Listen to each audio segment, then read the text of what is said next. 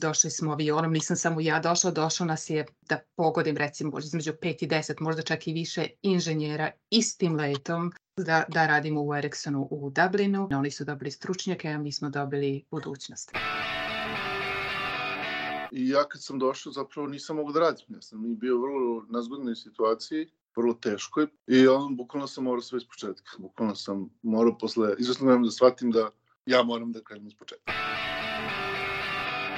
postoji moment integracije, ali je ta integracija ovde u Dublinu malo više onako na nekom kosmopolitskom nivou.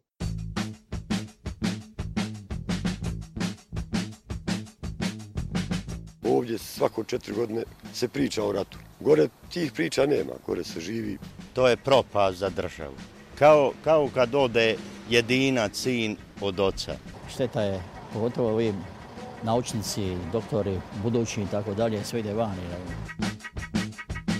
Normalno da recimo Hrvati ideju u Sloveniju, onda Slovenci ideju u Austriju. Misle da to nije dobro. Ja isto imam djecu. Nemam argumenta da im kažem da, da, da jednostavno žive, jer više i to i domoljublje i sve to fraza. Puno više se radi nego u nas. Nemaš baš nekog vremena za odmor, ali isto tako taj rad dobro plaćen. Znači ne zna nikoga ko je ošao da se vrati, a i da nije zadovoljan. Znači svi ko su, koji su otišli čak rekli da bi se vratili, e, zapravo su na kraju ipak ostali. Kako da žive sa 20.000 u Aranđelovcu? Pa bit ću vam iskreno odlučio sam se, uvijek sam bio neki kao pesimist. Ma di ću, ovde sam svoja kuća, svoje, tvoj narod, međutim, e, nema iz tog naroda ništa.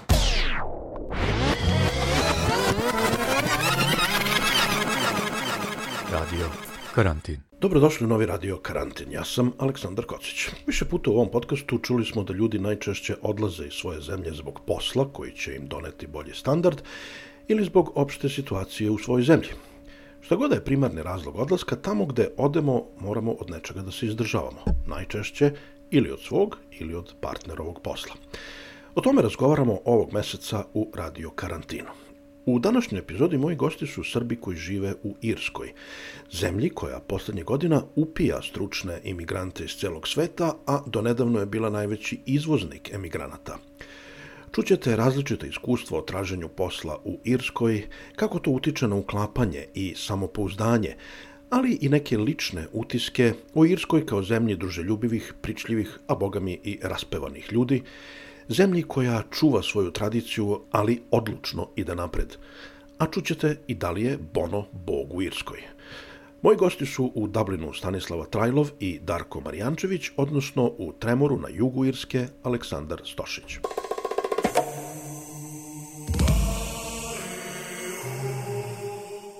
Neko ode iz svoje zemlje tražeći posao u nadi da će ga negde naći ili zato što je partner dobio posao pa onda on mora da se snalazi, a neko ode zbog posla koji je našao pre odlaska. Stanislava, vi ste mi rekli da ste vi otišli nakon što ste dobili posao praktično. Da, to je bio septembar 2000. odnosno leto 2000.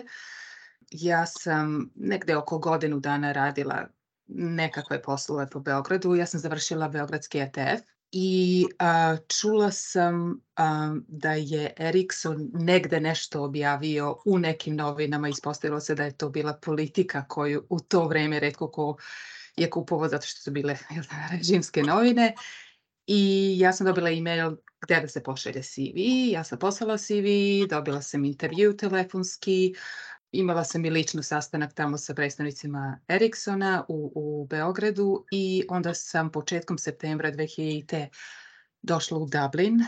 Stvarno su nas, stvarno su imali jako dobar, dobar tretman u smislu Ericsson nam je sve obezbedio, um, došli smo avionom, nisam samo ja došla, došao nas je sad da pogodim recimo između 5 i 10, možda čak i više inženjera istim letom da, da radimo u Ericssonu u Dublinu i uh, imali smo od samog dočeka u Dublinu do inicijalnog smeštaja prvih mesec dana, um, jako su nas lepo tretirali, tako da sam ja od onih koji su stvarno imali sreće što se tiče dolaska, nikak, nikakvog stresa nije bilo, bilo nam je mnogo lepo, a, pazili su nas, A, tako da je bilo ono što kaže win-win, oni su dobili stručnjake, a mi smo dobili budućnost. Znači, to je bio pravi organizovani transfer uh, čitavog jednog uh, tima, što je jako interesantno uh, za čuti. Uh, Darko, uh, vi ste isto u Dublinu, vi ste mi rekli da ste došli iz, iz Amerike zapravo u Irsku.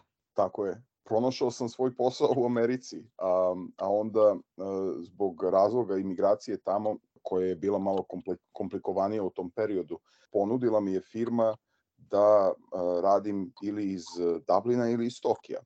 I onda sam ja izabrao Dublin kao lakšu opciju, šalio sam se sa kolegama, mislim da ne bih u Japanu znao ni picu da naručim, pa hajde onda nešto, nešto jednostavnije gde, gde mogu da, da govorim jezik i da se sporazumem, a i u ostalom Dublin, pošto je u Evropi, prosto smatrao sam da mi je lakše da se prilagodim kulturi, pošto eto, ide, išao sam, dolazio sam ovde sa 30 godina, ovaj, trebalo bi se prilagoditi na kulturu koja je totalno drugačija u Japanu. I eto, tako završio sam ovde i evo, pet godina uh, živim u, u Dublinu um, i super mi je. I šta radite?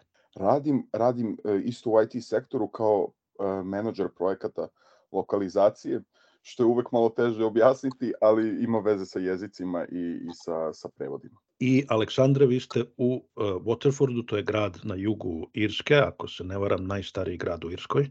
A vi ste došli, ako smem tako da kažem, za suprugom. Tačno. Ja zapravo živim u mestu koje zove Tremor, to je baš na oboli mora. To je mesto od možda jedno 15.000 ljudi a Waterford nam je uh, catchment area, zapravo, ako se tako mogu reći. Tremor je grad koji je samo estates i uh, restorani, a ovaj za i prodavnice naravno, a sve ostalo što vam treba morate da ovaj kako bih ga nazvao, kao recimo u odnosu na Beograd Ostružnice ili Surčina, što, što je malo dalje, ali ima svoju autonomiju, ali ste jako vezani za veći grad.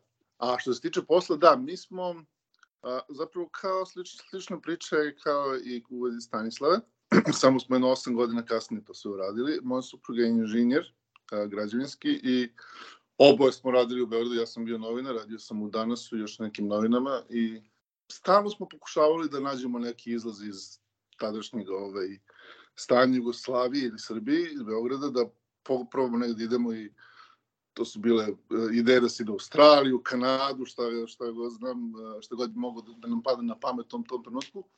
I onda smo sticam okolnosti saznali preko nekih prijatelja, neki ljudi koji su već nekoliko godina u Irskoj i oni su nam rekli kako su došli i opet smo saznali za čuvene regrutere i moja supruga kao inženjer građevine je e, pomislila da bi to bila dobra ideja. Ja s mojim novinarstvom nisam baš mogu da nađem posao tada tu I posle godinu dana ona je dobila poziv za Dublin, došla je u Dublin, međutim to je bila samo a, tromesečna zamena za ženu je bila na porodiljskom.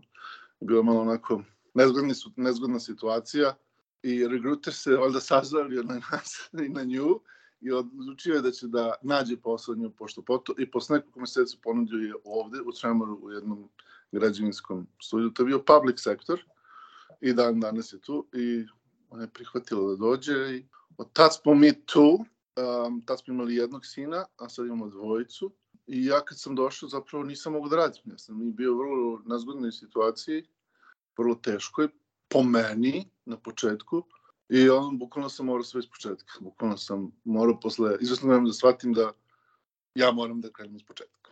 Kako takva situacija utiče na, na, na samopouzdanje? Pa to je jedna klackavica. Obezbeđeni ste s jedne strane, jer supruga da. ima posao, yes. stabilno je, ali s druge strane vi ste uh, ostavili posao uh, ili poslove u Srbiji i sada krećete, bar u tom profesionalnom smislu, od nule. Pa Kakav je osjećaj? Amplituda je užasno bila velika i jaka, i, jer okrenete se ka Beogradu i vi ste uh, established journalist, što biste rekao uh, u engleskom jeziku, i ovde bukvalno, se niko ne zna, ne, moj engleski uh, je bio uvek dobar, ali sam smatrao da nije dovoljno dobar da ja mogu sad da pišem novinske članke.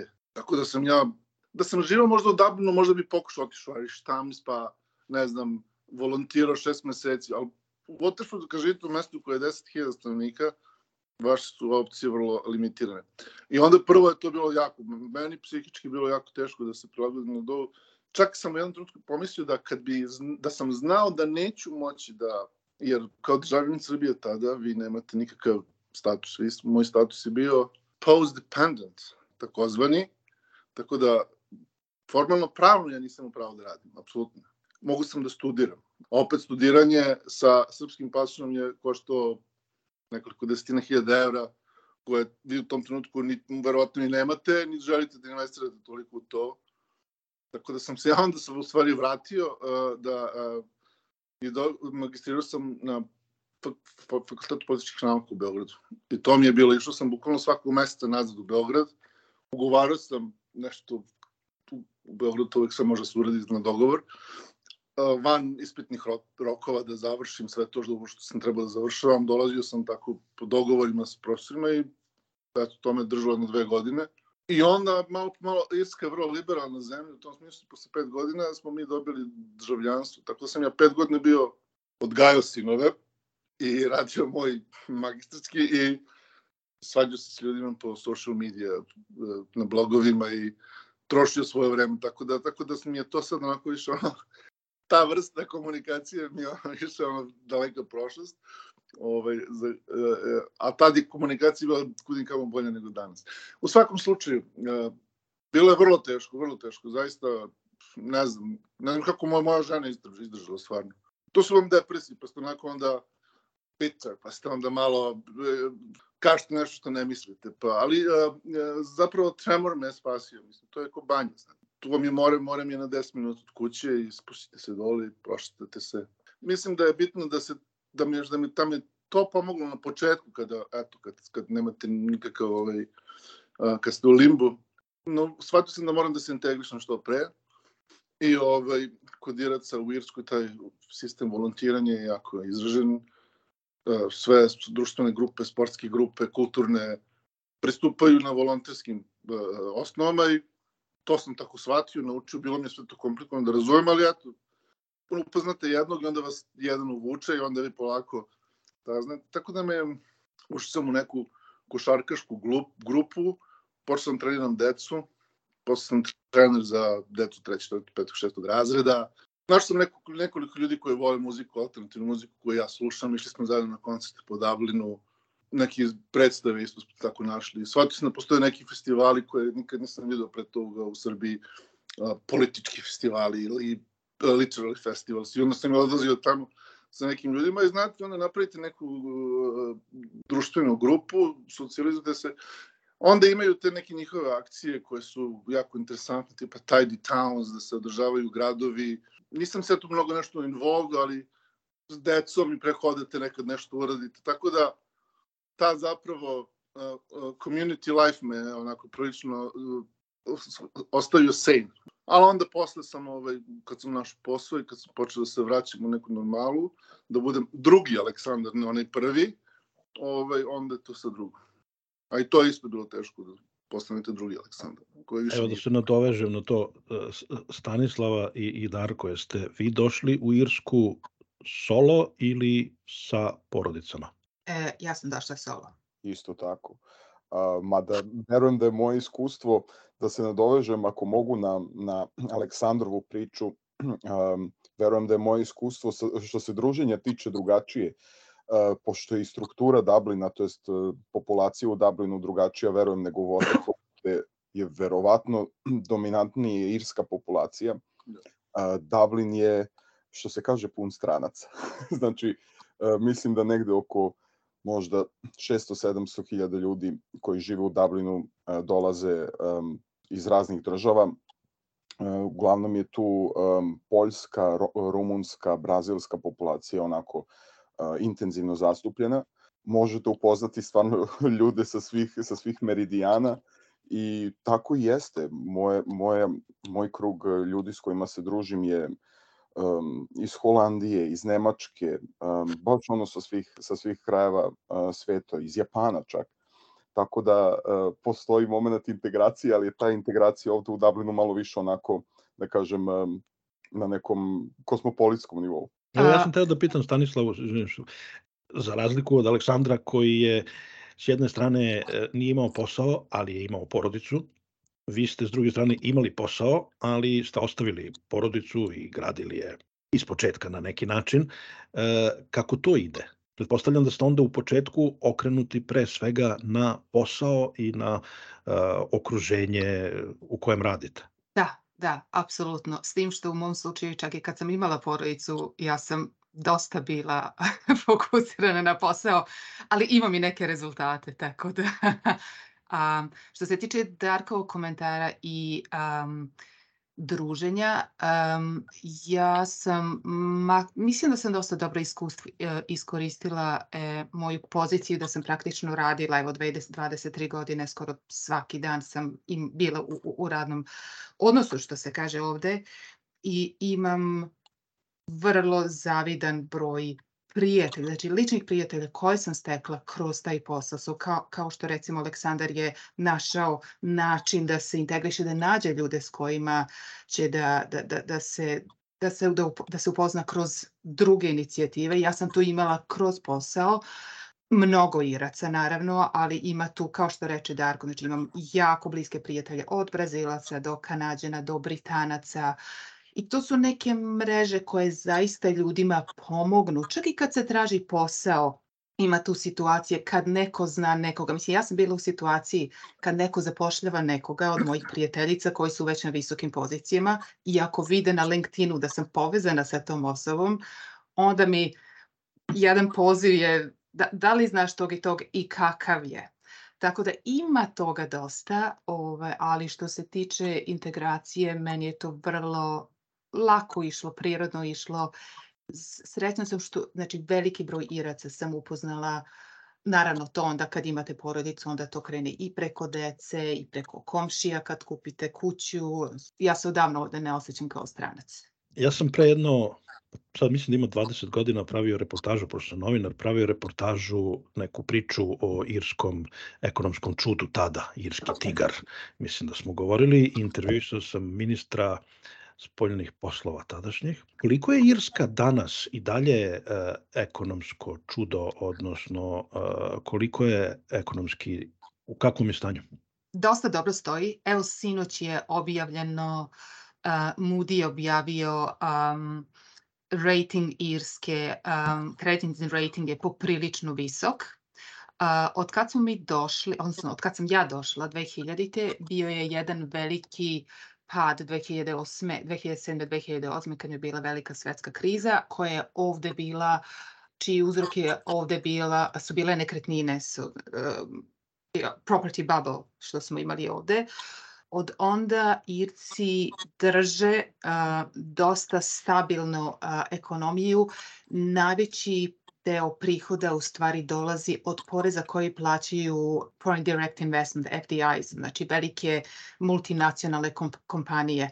Zbog svoje pametne politike Irci su vrlo, uh, imaju vrlo dobru poziciju u tome da sve velike uh, svetske firme, znači on, od LinkedIna do Twittera, do Googlea, do Mete, uh, svi imaju svoja predstavništva uglavnom ili head, World Headquarters ili EMEA, evropski um, headquarters u Dublinu, što onda za nas ljude iz IT-a je prava meka, možemo da biramo gde ćemo u tih firmi da radimo. E sad, ima tu i pros and cons a, raditi u privatnoj firmi. Videla sam i jednu stranu i drugu stranu. Sviđa mi se što Irci, za raz, čini mi se za razliku od Srba, um, gledaju svoj interes pre nego da idu sad sa, sa nekim srcem. Sad ćemo mi Severnu Irsku. Mislim, Severna Irska ovde ljudi ne shvataju. Severna Irska ovde nije uopšte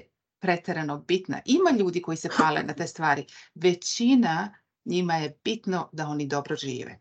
I ja bih stvarno volela da, toga, da to vidim u Srbiji, a ne da ljudi padaju na koje kakve prazne retorike. Vratit ćemo se na to. Samo sam teo da se e, još malo pozabavim ovim. E, ok, Dublin je centar e, tih modernih industrija. Pretpostavljam da samim tim, kao što ste rekli, nudi puno prilika. Kako to izgleda, koliko ima onaj, to se kaže, trickle down efekat, koliko se to onda oseti e, taj ekonomski prosperitet i mogućnosti koje on pruža, koliko se to onda oseti u malom mestu 200 km od Dublina, Aleksandre? Naravno, kudikamo uh, teže nego uh, tamo. Pogotovo IT, IT sektor, to prosto ovde ne, postoji, kako se razumem. Ovaj deo Irske je poznat po tome što je imao čuvenu fabriku koja se zvala What's for Crystal, koja je zapošljavala verovatno 60% countija, samo grada, verovatno uh, ljudi su živjeli od toga. I Waterford kao takav nije, uh, nije uh, meka za high skill biznise, ali jeste uh, meka za art and craft biznise, znači onako low scale biznise, small, small side biznise, gde ljudi pokušavaju, izvinjam se da će moje pas da mi uđe ovde. A, a, tako da, ovaj, to su, da, to su biznisi koji, biznisi takozvano malog grada, da tako nazovem. Da. Dakle, inženjera ima dosta ovde, ima dosta inženjerskih konsultant, građevinskih inženjera, uglavnom inženjera, vodoinženjera, tih poslova ima, ali uglavnom je sektor usluga, znači dosta restorana, vi ako vidite dosta često u Irish Times se pojavljuje ovaj dobar restoran u Tremor, ovaj dobar restoran u Dunmoristu. Tremor, gde ja živim, je turistička number one, mogu bi rekao, jedna od turističkih destinacija za ordinary Irish people, za običnog Irca iz Midlandsa i gde oni dolaze. Irci generalno ne putuju previše u toplije južne krajeve I ako odlaze e, na more, odlaze ili u Lanzarote, to je njihova paralija, ili idu trajektom na, u Bretanju, u Francusku, negde onako vetrovito, gde nije puno toplo. I najveći deo njih zapravo ide u Wicklow, Wexford, a i ovaj moj deo ovde, pošto Tremor znači velika plaža. I mi imamo tu nekoliko uh, campsites i uh, oko, oko, oko morske obale ima dosta tih, kako bih nazvao, malih kućica je stay za turizam i preko leta to je apsolutno pakt, kao da ste u Budvi ovde kod nas. Tako da, da Tremor živi od tog turizma. I vi ste umeđu vremenu uh, našli posao? Da, ja sam umeđu vremenu našao posao. Ja sad trenutno radim u Waterford County Councilu To je opština. U administrativnom delu, pošto je moja diploma, je li political scientist, znači društvene nauke. To je sve malo drugčije nego kod nas, ali ovaj, jer opština u Irskoj ili county uh, ili council ima mnogo veće autonomije, mnogo veće, uh, kako bih rekao, nije decentralizovano, kao, nije centralizovano kao kod nas, nego decentralizovano. Znači, ovde local authority ima vrlo velikim ovlasti u smislu određenja politike direkcije, napređenja gradova, ulica, kako će se deći. Znači, vlada ne rešava problem u Waterfordu, gde će da gradi most ili šta će da to, to sve radili inženjeri local authority zajedno sa administrativnim delom local authority, lokalne vlasti. Tako da ona ima vrlo, vrlo, vrlo velike oblasti. Ja sam se tu zaposlio pre tri godine. Pre toga, vrlo sam zadovoljan, da, zato što prvo sam, kao što sam im rekao, imao problem da nađem posao. A, onda kad sam dobio dozvolu za rad u vidu državljanstva irskog, potrošio sam po sebi ja mislim, izgubio jedno, dve godine tražeći posao u struci. Tada je to bilo jako teško, jer kao što je Stanislava rekla, zemlja je bila u strašnoj recesiji. Mm, ne znam kako je to izgledalo u Dublinu, ali u Otišu i Cemor su bili devastirani, apsolutno. Znači, to je svaka druga, je, od tri poslovne prostora, dva su bila zatvorena. Znači, apsolutno nikog niko nije primao, niko nije radio nezaposlenih bilo, bilo oko 30% i zamislite, tu je situacija, ja dolazim u Irsku i treba da rađem neki posao. I onda kad se kad se to već počelo polako da diže na noge zemlja, onda je, naravno, oni koji su izgubili posao, vjerovatno lokalni će pre dobiti posao od mene.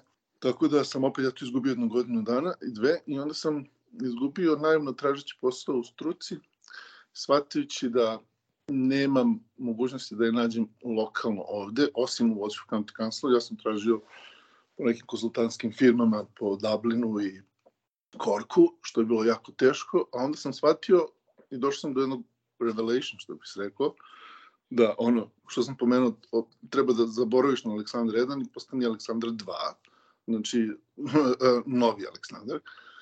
Tako da sam ja seo jednom sad baš sa ženom i rekao, slušaj, uh, ja čak ako se zaposlim sad u, recimo, Dublinu ili Korku, dok ja skupim, dok ja platim smeštaj, benzin i sve, ja vas ne viđam ovde uopšte, ja mislim da ovaj, neću baš, da neću velike troškove. Mislim da bi možda bilo bolje da ja izađem out of my comfort zone i da probam da tražim posao u nekoj industriji koju u životu nisam radio. Dobro, šta ti to misliš? Ja kažem, pa ne znam, ja koliko ovde vidim, ovom, ovde to je neki uh, retail sektor koji možda se lako nađe posao ili restoran. Ja restorane baš ne znam ništa o tome, ali ne znam retail, neko mi je lakše da uđem. I ja sam tako, posle jedno šest meseci, ušao u Aldi, supermarketski lanac Aldi. I pitala me, pa si nekad radio u Vegoricilu, nisam nikad radio. A meni je, prosto mi je bilo sad stanje da ja sam treba počnem nešto da radim, da izađem iz kuće. To mi je bilo onako, znači, mentalna, ovaj, mentalni lek. I tu sam radio na dve godine. Mislim da mi je Aldi u tom smislu poslovno. To je vjerojatno što i ljudi u IT-u znaju mnogo više, ali bi u novinarstvu ne toliko. Ta poslovna etika i competency-based work me toliko, Aldi me toliko naučio, jer to su konstantni treninzi, treninzi za svaku eriju poslovanja. Ja nisam mogao da počnem da radim dok nisam prošao bar tri nedelja ono, tako e, kompleksnih treninga. Znači, oni bukvalno napravio čoveka robota. Znači, to kad se kaže prodavac u Maxiju i a, radnik u Aldiju, to su vam dve različite sfere. Znači, a, ovaj, tako da je meni taj Aldi vrlo jako pomogao. Tu sam vrlo brzo došao i do menedžerske neke pozicije. To je onda potpuno drugi ovaj svet, a, gde vi idete onako malo anticipirate situacije, niste samo, znači, strateški mnogo više se radi i odatle sam onda otišao u County Council, bio sam u planingu, u deljenju za planiranje urbanističkih, uh, urbanističkog planiranja. Ali pravo da vam kažem, uh, ono što najviše što sam naučio je da je koliko je taj work ethic, etos vrednog rada bitan ovaj, i koliko se drugačije gleda i ja se uvek vratim na moje početke u danasu, recimo u novinarstvu i pričam sa suprugom koja radi u građevinskoj struci, ali u nekim isto stranim kompanijama u Beogradu. Vi kad dođete u Beogradu u 9 sati, pa uzmete novine, pa pomete kaficu, pa pričate, pa to 9, bude već 10 sati. Ja ovde sedem, upalim moj kompjuter, hi Alex, how was your day? Fine, thank you, i onda počne se rad. I onda do jedan, mislim neko ima neku tea break za 15 minuta ako hoće oko 11, ali out of there, nema nikakvog small chata ili ne znam nešto se radi, ili ja sam pročitam novin, ček da vidim što se dešava na Facebook. I meni je taj, taj etos da vidim svako potpuno posljedno tome, na početku je bio takav kulturni šok, da sam ja koji sam sebe u Beogradu recimo smatrao relativno vrednijim od drugih, ne zato što ja obožavam sebe, nego sam pratio kako ja radim, kako drugi sede po piju kafe i puše cigarete u mojim redakcijama, pa sam ja sam smatrao sebe verovatno malo vrednim. U tom odnosu, kad sam ja došao u, u Irsku i počeo da radim Irsku, ja sam rekao, pa ja sam ovde najveća lančuga. Jer tek sam onda shvatio koliko naš odnos i shvatanje vrednoga je potpuno drugčije u odnosu na shvatanje vrednog. I to mi je onako jedna vrlo... I to, to ja mislim da je najveći najveća teškoća kod svih naših i Hrvata, ja vidim dosta sam radio, radim dosta s Hrvata i sa nekim uh, Srbima koji imaju hrvatski paš ili mađarski podođe pa ovde. Non stop treba im godinu dana da počnu da, da uđu u tu, da shvate. Možda neki nekad i ne shvate.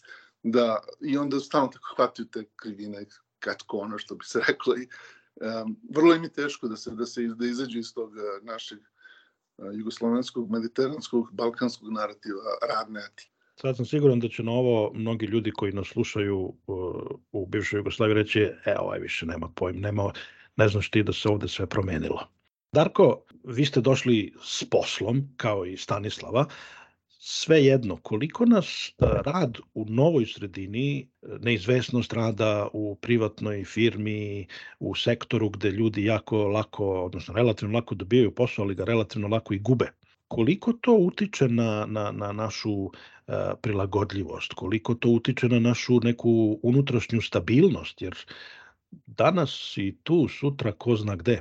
Svakako, raditi, raditi u privatnom sektoru za mene, u stvari za mene je to nešto što e, sam jedino iskusio, nemam iskustva sa, sa radom u, u, sek, u državnom, da kažem, u javnom sektoru. Svakako postoji ta nesigurnost i, i ona je stalno prisutna, međutim, negde mogu da kažem, odrastao sam u vreme kada je to bilo, da kažem, normalno, odnosno uobičajena pojava, bolje možda tako reći. Od trenutka kada sam počeo da radim i u Srbiji, i evo ovde van Srbije, prilagođavao sam se tom načinu funkcionisanja, da e, posao postoji i da posao možda sutra neće biti tu. Svakako koristio sam, a i dan danas koristim priliku da, da se edukujem kroz posao, pošto e, nam to omogućavaju, tako da je to zaista jedna od pogodnosti posla, da tehnički možete da se prekvalifikujete radeći posao moje obrazovanje nije u oblasti upravljanja projektima. Završio sam italijanski u Beogradu i bavio se prevođenjem godinama i onda sam ovaj posao u Americi pronašao. Posao koji je bio u oblasti upravljanja projektima, konkretno prevod, prevodilačkih, i počeo svoju karijeru menadžera projekata kroz, kroz posao.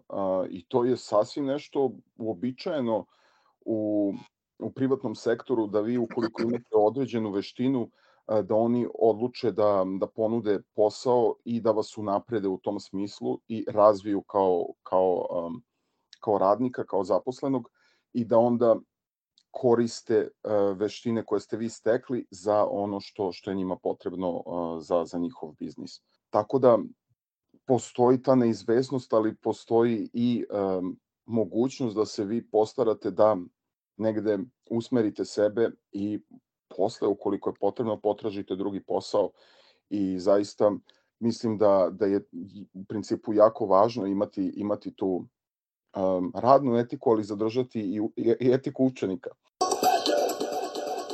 Radio Karantin.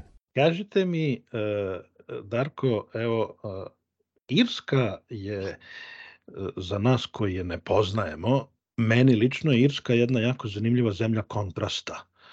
Uvek imamo nekako predstavu Irskoj kao jednoj e, do skora veoma siromašnoj zemlji, tradicionalnoj, e, sa jakim e, religioznim, veoma religioznom zemljom, a sa druge strane Irska je, evo ko što ste rekli, IT meka, evropski Dubaj na neki način, jako progresivno društvo, legalizovani su gej brakovi, koliko se danas te, te kontradiktornosti, ako mogu tako da ih nazovem, u Irskoj osjećaju? Je li to jedno društvo koje je onako u procepu ili je društvo koje je odlučilo da ide napred i zna šta hoće? Da, dobro pitanje. Dobro pitanje, pošto ako je bilo, što bi možda znala Stanislava i Aleksandar da kažu možda od pre 20 godina, moj utisak nije takav da, da je društvo u procepu. Uh, mislim da su došli do toga da prosto, um, kao što je Stanislava i rekla, potrebno je baviti se, baviti se sobom i iskoristiti život u, u okvirima koji, kojima možemo uh, ispram svojih mogućnosti. I to je glavni fokus prosečnog Irca danas, moj bar takav utisak, i baš smo nedavno pričali, inače iznajmljujem stan od, od Iraca. I imamo lep odnos sa, sa um, gazdaricom I onda ovaj, oni tako dođu kod, ovde na, na, na ručak i pozovu na ručak. I mi sad imamo priliku da razgovaramo o tome kako oni funkcionišu i kako razmišljaju. Razmišljanje je u tom smeru, kao što sam rekao, da je potrebno živeti život na najbolji mogući način u okviru mogućnosti koje su nam pružene i to automatski podrazumeva da se vi mnogo ne bavite onim što niste vi, osim u onom kontekstu možda društvene zajednice, pomoći, volontiranja i tako dalje. Znači negde da može da se pomogne nekoj grupi. Ali sve neke lične odluke, um, brak, funkcionisanje, e, lični izbori koji se samo nas tiču i na nas utiču, um, niko se ne meša u to međusobno, odnosno ako se i meša, to bar nije toliko očigledno ili je mnogo reći. Stanislava, vi ste već spomenuli uh, odnos prema nacionalizmu. prema Severnoj Irskoj, jer Irska je zemlja koja je nezavisnost dobila tek preko, pre 100 godina i dalje postoji taj problem sa Severnoj Irskom koji trenutno je onako primir, mirno je, ali daleko od toga da je rešeno. Koliko je Irska nacionalistička zemlja? Mnogo manje nego što prosečan Srbin misli. a, ja imam a, dosta prijatelja Iraca i a, volim da pričam, ja volim da pričam o politici, o aktualnim temama sa njima i recimo baš mi je bila zanimljiva situacija da moja dobra prijateljica za koju znam da dolazi iz, da kažem, republikanske porodice, čiji preci su se borili za nezavisnost Irske, koja voli irski jezik, irsku muziku, irsku tradiciju. Znači ima to nešto u, u, u porodici, u svojoj istoriji. I kada sam je pitala, što, to je bilo pre recimo godinu dana, kad je prvi put, pa možda godinu, dve, kad su prvi put počeli ponovo da se javljaju neki glasovi, možda ujedinjenje, kako, šta, pošto ima sad tu taj Good Friday agreement, da ne idem u to.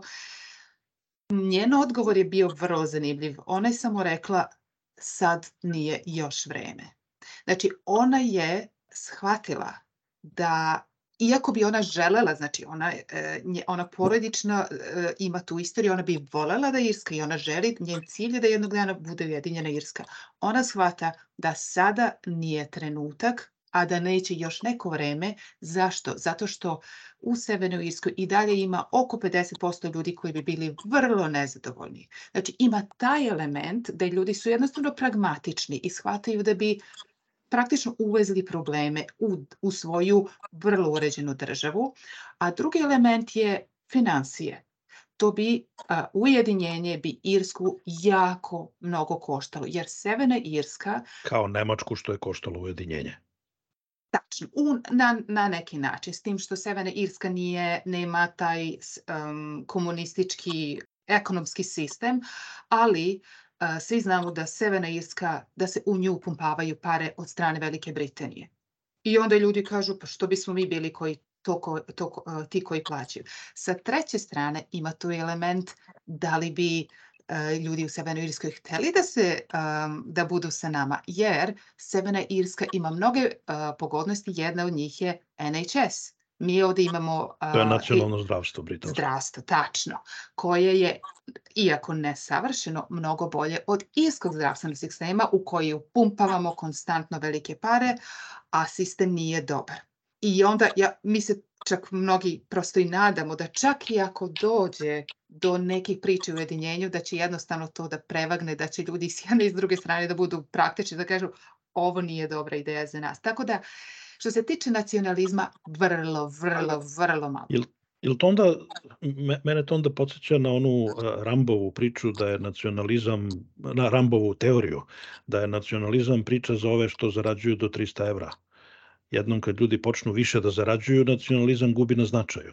I meni nekako Irska deluje kao zemlja koja je paradigma toga. Ima Živi toga. se bolje, manje se razmišlja o... Aleksandre, drugi stereotip, ako je to stereotip, mislim, e, druga ono tipična nekako asocijacija na Irsku, nama, e, sa strane je e, umetnost. Jako mala zemlja koja proizvodi jako veliki broj umetnika, tradicionalno. Koliko je Irska danas umetnički bogata. Koliko je to danas zemlja talentovanih umetnika? Izuzetno. Ja Pes, da pesnici, sam, muzičari. Da, ja sećam da sam uh, pisajući, jer ja i dalje pišem i za neke hrvatske medije i za uh, uh, prijatelji Srbije, uh, volonterski uglavnom. Sećam se da sam jednom uh, uh, uh, pokušavajući da oslikam kako to izgleda u, u Irskoj, taj kulturni umetnički život, sam rekao da ono što su Brazilci u futbolu, to su Irci u muzici i umetnosti. I, i ja zaista toga Znači, vi ako se šetate ulicama Dublina ili Waterford, i vedete ovde baskere koji sviraju gitaru, ti ljudi kako pevaju, te njihov glas, to, to je, ja mogu da stanem i da ih slušam. Znači, tamo, a, a, znači, mi pričamo o jednom običnom čoveku, klincu 20 godina koji izašao iz kuće dosadno mu i uzao gitaru i svira. A gde onda gde su onda umetnici koji imaju malo više talenta od takvi.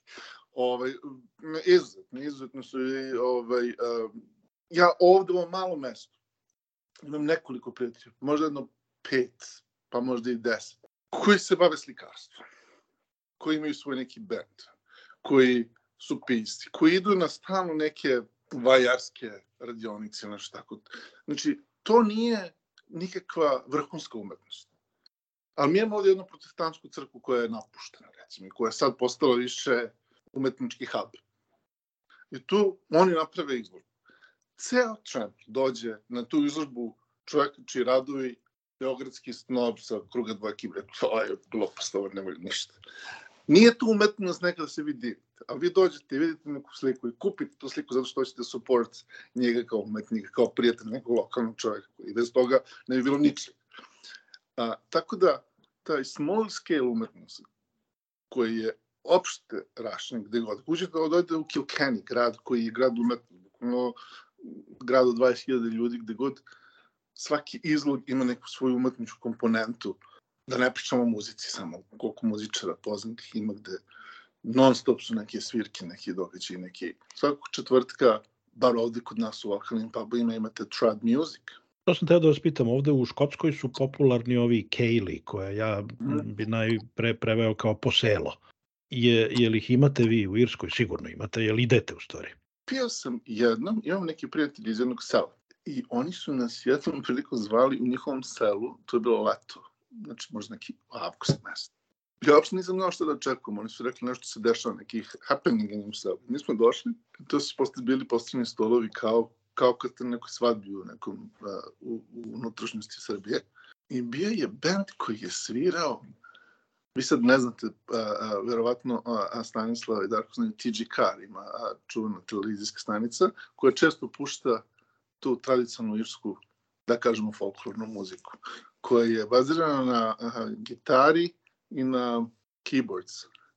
E, to su neke pesme tradicionalne njihove, onako vrlo smešne i meni se ne puno.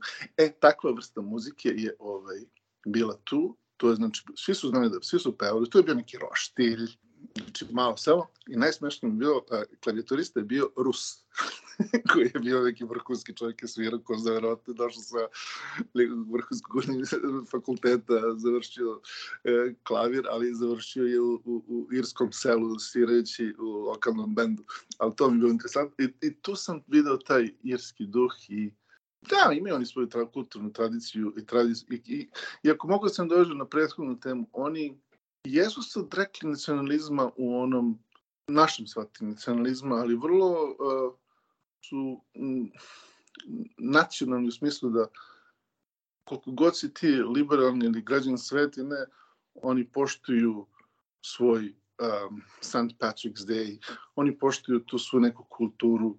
Uh, njihova tradicija se ne odbacuje tek tako kao što smo mi, recimo, građanska Srbija, odbacio neki deo zato što verovatno postoji animozitet između građanske i negrađanske Srbije, ovde toga nema.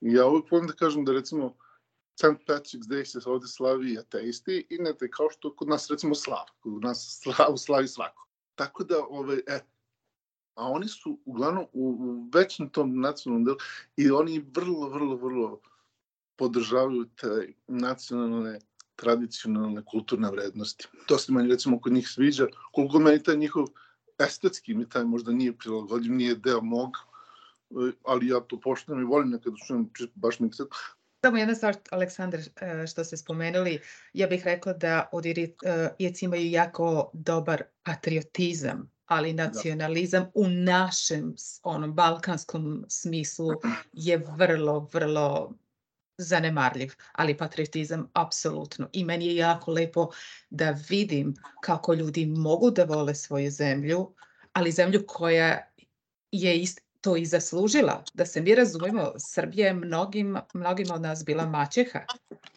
i mnogima i dalje maćeha, tako da to je uzajamno. Znači, zemlja pazi na nas, zemlja na, brine o nama i mi volimo svoju zemlju, ali a, taj patriotizam se ne, ne, ne zasniva na mržnji prema drugima i drugačijima. To je bitno.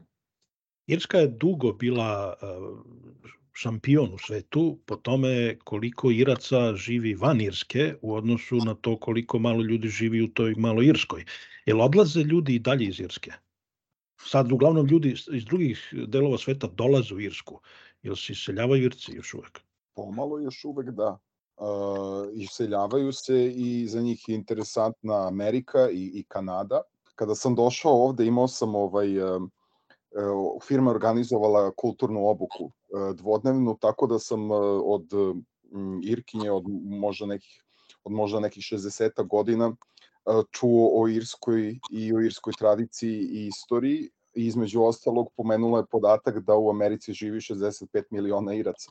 To je ve, veći deo tog stanovništva je poreklom iz onog perioda kada je Irska u 19. veku prošla kroz, kroz period gladi, mm -hmm. a, mada postoji to iseljavanje i dalje. Oni odlaze, a odlaze u, u države gde je englesko govorno područje, a, dok, se, dok se stranci doseljavaju. Tako da postoji Kod nas, pošto sam ja na zapadnoj obali Škotske u Glasgowu, kod nas naravno tradicionalno uh, ima puno Iraca, i dan danas.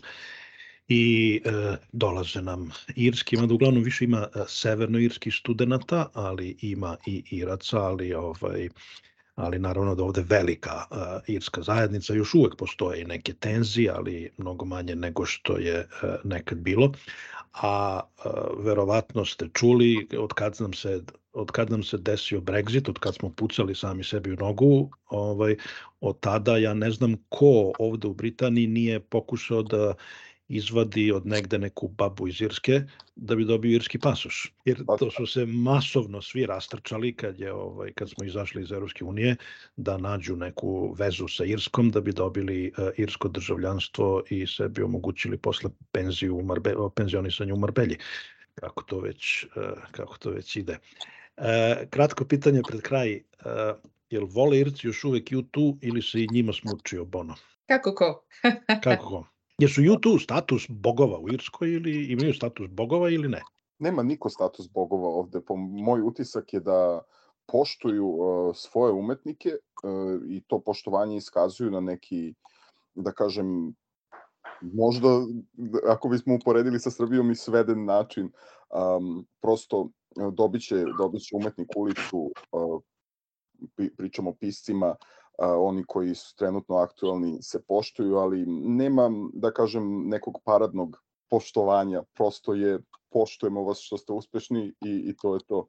A inače ovaj, živim baš u blizini naselja gde je Bono odrastao, to jest gledam evo na njega kroz prozor, ovaj, Finglas u Dublinu. I ako ima smisla pitanje gde se pije najbolji Guinness?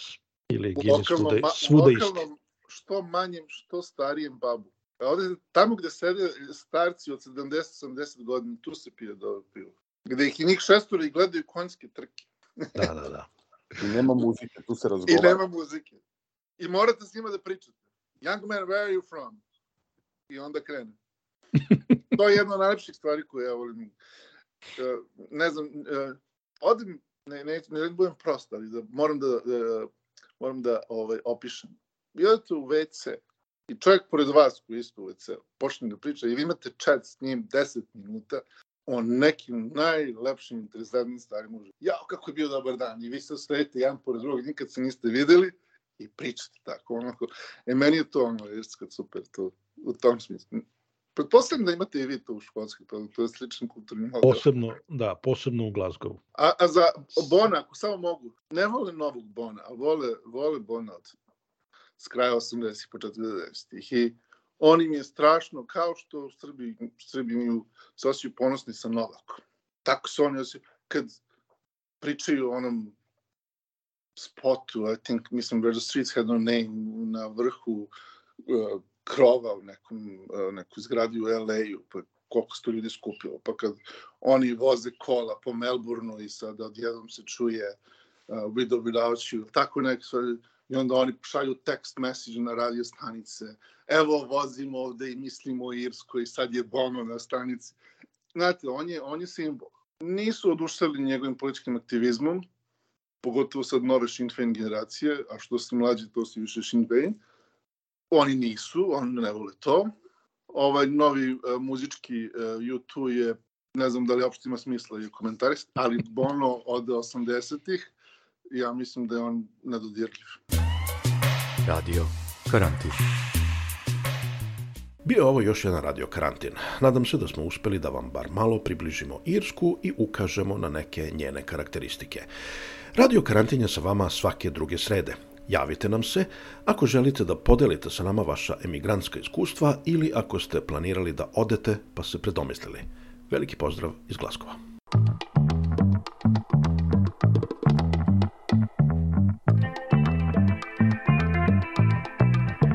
Radio Karantin.